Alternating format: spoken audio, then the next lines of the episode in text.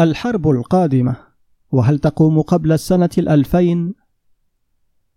الحساب الختامي لحرب الخليج خسائر على طول الخط لكل العرب ومكاسب على طول الخط لإسرائيل وأخواتها أمريكا وإنجلترا وفرنسا وباقي الحلفاء فهم يشترون البترول الآن بسعر أقل وشركاتهم العاطلة تعمل لإعادة بناء الكويت وتقبض ثمن البناء كما قبضت من قبل ثمن الهدم وفائض المال العربي ذهب في تغطية فواتير الحملة العسكرية وأمريكا التي كانت لها ضيافة في المنطقة أصبحت لها إقامة دائمة وصوت حاكم. والعرب الذين تمزقت وحدتهم أصبح من السهل جرجرتهم إلى مدريد للجلوس مع إسرائيل وقبول الفتات إذا شاءت إسرائيل أن تلقي إليهم بالفتات. ولا تلقي إسرائيل بالفتات بل ترفض على طول الخط. ترفض الانسحاب ولو شبرا واحدا وترفض تجميد بناء المستوطنات وتخرج الأحزاب الدينية من الحكومة لأنه جاء ذكر الحكم الذاتي في الصحف. وتشن إسرائيل الغارات على جنوب لبنان وتلقي قنابلها على الفلسطينيين واللبنانيين وتطرد 12 فلسطينيا من أراضيهم في تجبر عجيب. وتغتال الشيخ عباس موسوي زعيم حزب الله اللبناني. هو وزوجته وابنه والسلسلة مستمرة. ودولة الإمارات التي أفلتت من دمار الحرب استدرجوها إلى مذبحة بنك الاعتماد والتجارة ونهبوا منها المليارات. والأكراد المسلمون في النفي والشتات نهبا للجوع والبرد تطاردهم قوات صدام حسين في كل مكان. وصدام حسين الذي أجمع الكل على أنه السبب المباشر والوحيد للمأساة ما زال على رأس إصابته يحكم ويأمر ويشنق ويعدم في شعب عراقي أعزل يسف التراب وفي أسرى كويتيين يموتون في الزنازين من الذي عاقبته أمريكا بهذه الحرب إذن؟ ومن الذي جمعت له خمسا وعشرين دولة؟ ومن الذي أطلقت عليه الرصاص؟ وماذا كان هدف الحرب إن لم يكن عقاب المعتدي؟ الواقع يقول أن كل العرب هم المعاقبون بلا استثناء من فلسطين شرقا إلى الجزائر غربا. حتى الصوت الإسلامي اليتيم الذي ارتفع في الجزائر من نوافذ شرعية تصاعد في أثره الضجيج والعجيج من جميع الأبواق الغربية ودقت طبول الاستنكار في فرنسا حتى خنقت الصوت في مهده. وأمريكا صاحبة أكبر دعوة للديمقراطية وإنجلترا التي تدعي أنها علمتنا الديمقراطية وفرنسا الحرية والعدالة والمساواة. تنكروا جميعا للديمقراطية الجزائرية حينما رأوا أنها ستأتي لهم بما لا يعجبهم. من الذي عوقب في هذه المواجهة التاريخية؟ إن صدام حسين المجرم الحقيقي كان عميلهم. كان عميلا لأمريكا في ضرب الثورة الإسلامية في إيران وكان عميلا لفرنسا في الحرب الأهلية في لبنان. وكان يسلح المارشال عون المسيحي الكتائبي في حربه الدموية مع جعجع بناء على تعليمات فرنسا. وقد دخل صدام الكويت بضوء أخضر أعطته له السفيرة الأمريكية أبريل جلاسبي لقد كان الفخ مجهزا من البداية. وترسانة صدام كلها كانت بضاعة فرنسية وإنجليزية وأمريكية وألمانية. حتى الماء الثقيل واليورانيوم المخصب وأدوات الحرب الجرثومية كانت من عندهم. لقد سلحوه لأنهم يعلمون أن حربه ستكون علينا نحن لا عليهم ولا على إسرائيل. وأن الخراب الذي سيحدثه سيكون لحسابهم ولصالحهم. وقد دمروا كل شيء في العراق إلا صدام حسين. وليست صدفة أن يخرج المجرم الوحيد المسؤول عن المأساة سليما معافى. وليست صدفة أن يبقى إلى الآن سليما معافى لنظل مهددين بجنونه وفي حاجة إليهم وإلى معونتهم ونجدتهم طول الوقت. يا إخوة، ليس صحيحا أبدا أن الغرب صديقنا، إنه صديقنا فقط ما دامت هذه الصداقة في صالح ميزانه التجاري. لقد قالوها في إذاعاتهم وفي صحفهم حينما سقطت الشيوعية في روسيا. قالوا: اليوم انتهينا من الشيوعية، ولم يبقى للغرب عدو سوى الإسلام. وحينما جاء الإسلام يبحث عن مقعد على مائدتهم وبشروطهم وبشروط اللعبة الديمقراطية التي يريدونها رفضوه. رفضوا الديمقراطية التي أتت به. إنها حرب تاريخية ضدنا عمرها ألف عام. ونحن لا نبادلهم العداوة بل نبذل لهم الصداقة والود ونأخذ عنهم العلم والفكر ونمجد فنونهم وفلسفتهم. ولا نفكر أن نحاربهم أو نفرض عليهم إسلامنا. وإذا عرضنا عليهم فكرا أو فنا عرضناه في استحياء وخجل. ولكن الحقيقة المريرة يا سادة أن الغرب قلبا وقالبا مع إسرائيل. هو الذي زرعها في قلب المنطقة العربية وهو الذي يرعاها وهو الذي يمولها ويسلحها. وإذا كانت لنا نجاة أو كان لنا مخرج وحيد فهو أن نتماسك ونتحد رغم الجراح ونعود جبهة واحدة. ليس لنعلن الحرب على الغرب بل لندافع عن أنفسنا. إننا متهمون أبدا بتهمة لم نرتكبها. هي العداء للغرب مع أن التاريخ يقول العكس. فالحرب الصليبية جاءت منهم والعدوان الاستعماري جاء منهم. ورغم أننا وقفنا مع الحلفاء في الحربين العالميتين الأولى والثانية فقد اقتسمونا كتركة مستباحة وإرث مشاع وقطعوا أوصالنا بعد كل حرب. وقد رضينا بالقسمة والقضاء ولم يرضوا وسكتنا على الغبن ولم يسكتوا. وقد أرسلوا علينا مطارد اليهود من كل مكان وسلحوهم وساندوهم وما زالوا واليوم يجرعوننا سلاما لا سلام فيه. وقد ارتضينا أن نتجرع أي سلام ولكن إسرائيل لم ترضى لنا أي سلام. ونحن لا نريد أي حرب مع الغرب ولا نفكر في أي حرب ونرى أن أي حرب مع الغرب حماقة بلا جدوى.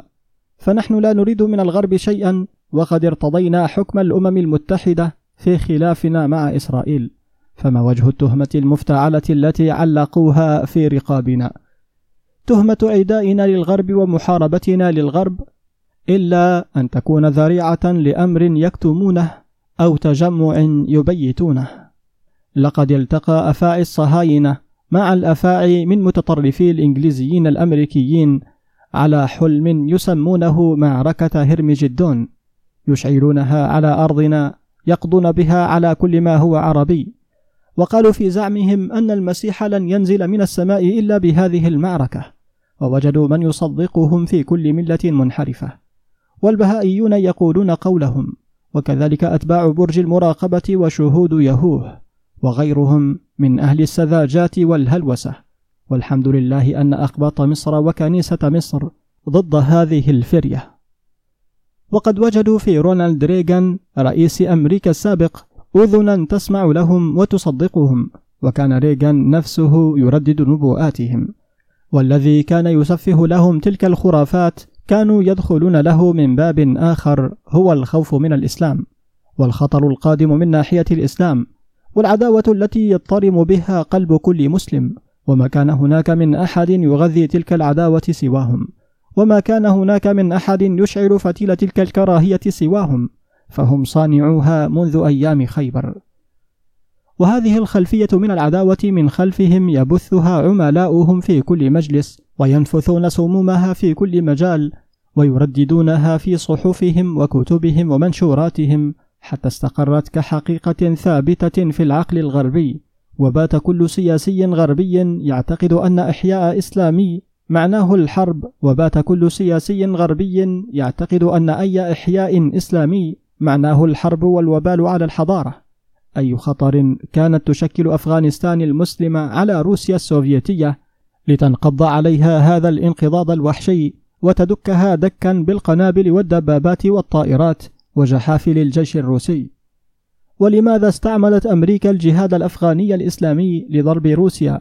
فلما سقطت روسيا كفت يدها عن مساعدة المسلمين ووقفت مع عدوهم اللدود نجيب الله الشيوعي. وقطعت عنهم كل شيء حتى المعونات الغذائية. وتكاتف الكل روسيا وأمريكا ضد هذه القلة المسلمة. أي خطر تشكل تلك القلة المسلمة لتتحالف عليها كل الجبهات لتجرعها سلاما روسيا أمريكا يجهزانه في موسكو بمواصفاتهم.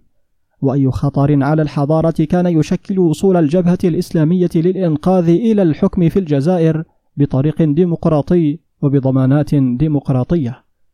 إنه الخوف القديم من كل ما هو إسلامي والخطر الذي صورت به الصهيونية كل إحياء إسلامي ودمغت به كل صوت إسلامي والعقدة التي نجح اليهود في غرسها في العقلية الغربية.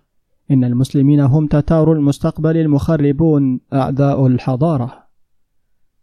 لا أنكر أن بعض الدعاة الإسلاميين ممن ليس عندهم أدنى نصيب من الإسلام كانوا دعاة عنف. ولكن من قال إن كثرة المشعوذين في الأطباء تعني أن نحارب الطب ونقضي عليه.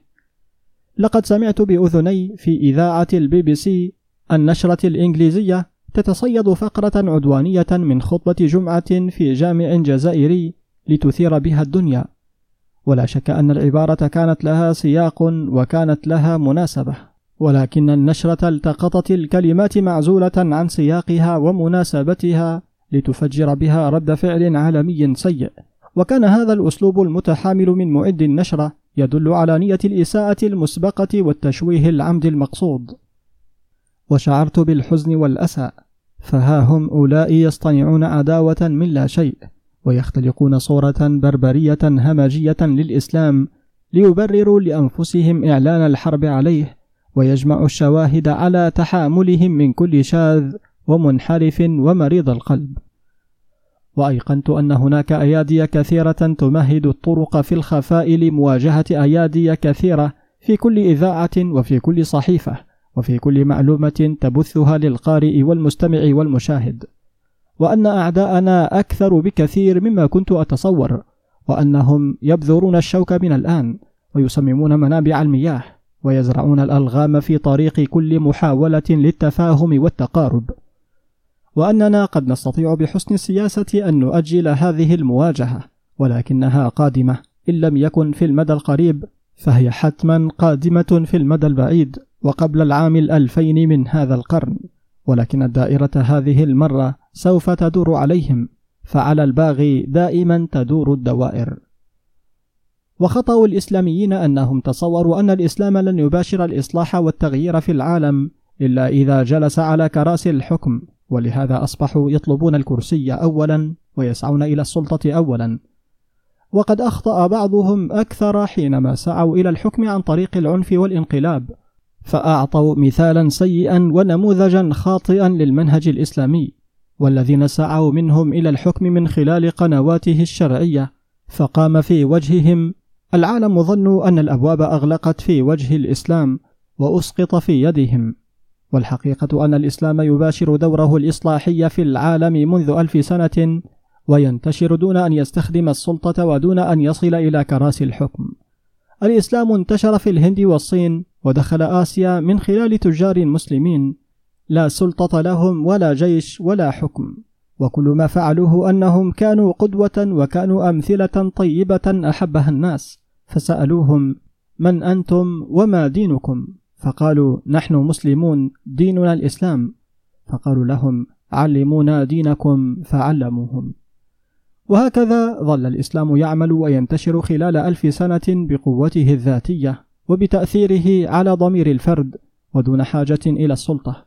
وهو باب سيظل مفتوحا على مصراعيه إلى قيام الساعة ولا قبل لأحد بإغلاقه.